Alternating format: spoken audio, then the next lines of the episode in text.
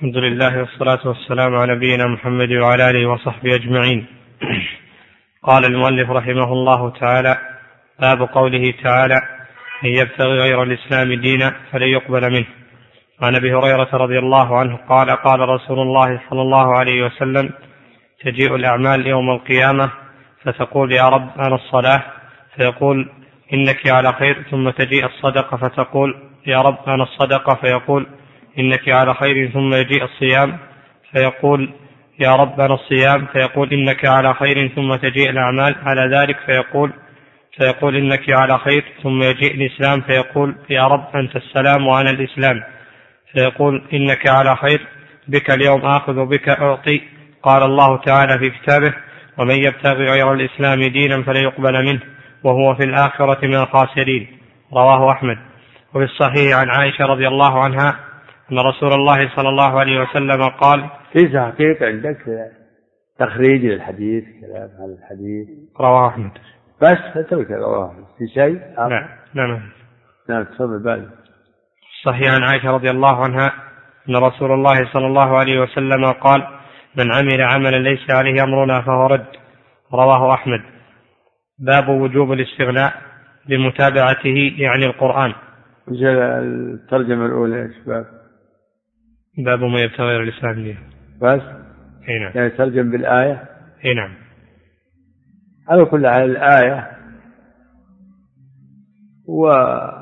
وغيرها فيها دلالة على أن الدين الحق الذي هو دين الله هو دين الإسلام.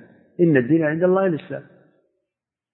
وهو دين الرسل كلهم من أولهم إلى آخرهم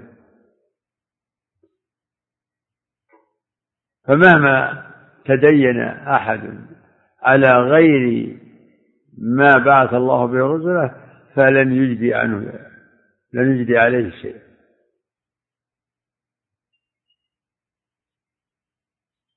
والمراد بالإسلام في الحديث لا شك أن الصلاة والزكاة والصيام كلها من الإسلام لكن يظهر أن الإسلام هو الأصل الدين التوحيد. كما في حديث معاذ بن جبل ألا أخبرك برأس الأمر وعموده وذروة سلامة؟ قلت بلى يا رسول الله. قال رأس الأمر الإسلام. والمراد شهادة لا إله إلا الله فهي التي يعني بها يفترق الناس بين مؤمن وكافر مشرك وموحد. فدين الإسلام الذي بعث الله به رسله مداره على هذه الكلمة. لا إله إلا الله. فمن كانت معه يعني مع أقل قدر من الإيمان فمآله إلى النجاة كما في أحاديث الشباب.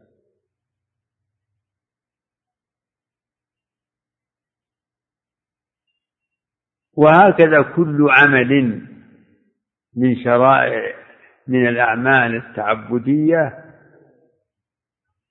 لا تكون مستمدة من الوعي فهي, فهي باطل ليست من الإسلام.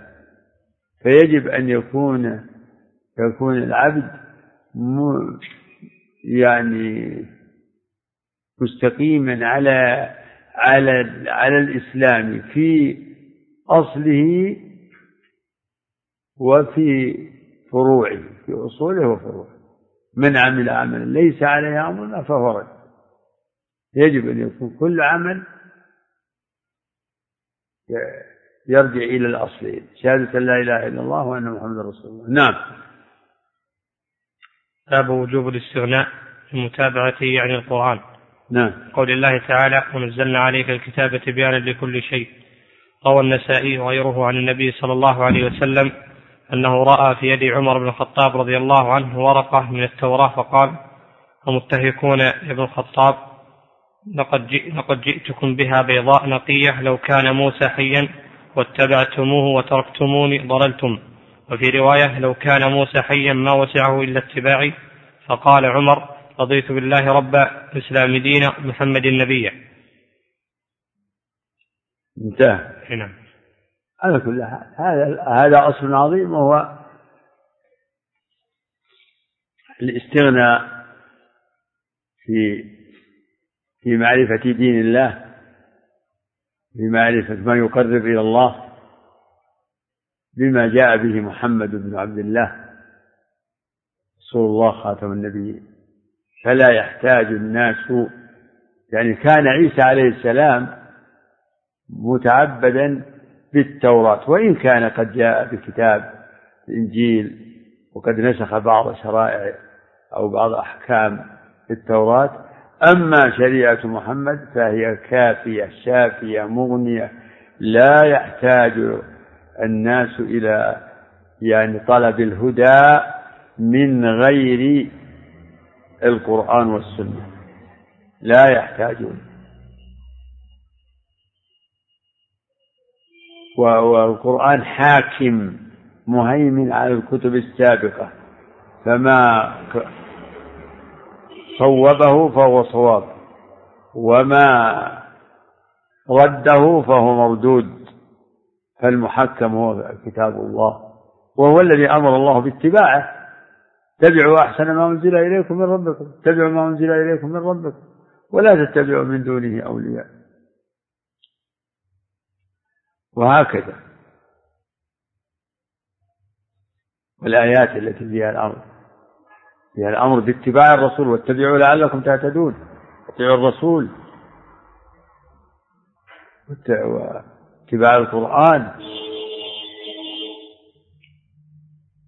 فلا يجوز طلب الحق طلب شيء من الحق أو طلب شيء من الهدى في غير القرآن. لا الكتب المنزلة فإن التوراة والإنجيل مختلطة صار دخلها التحريف في بعض ألفاظها وفي معانيها. وما فيها من حق إنما نعلم صحته بالقرآن. ما شهد له القرآن. مثل الأحاديث الإسرائيلية ما دل القرآن على صدقه صدقناه ما دل على كذبه كذبناه وما لم يدل على شيء توقفنا فيه والله لا إله إلا الله. تقول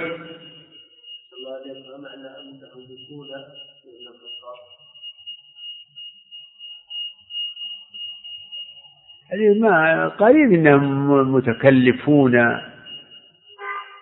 يظهر كذا سير يا إبراهيم تهوك هوك هوك. متهوكون مرة أحسن الله إليكم والمتهوك المتحير. المتحيرون. إيه، قال كالهواك كشداد. إيه، كالهواك.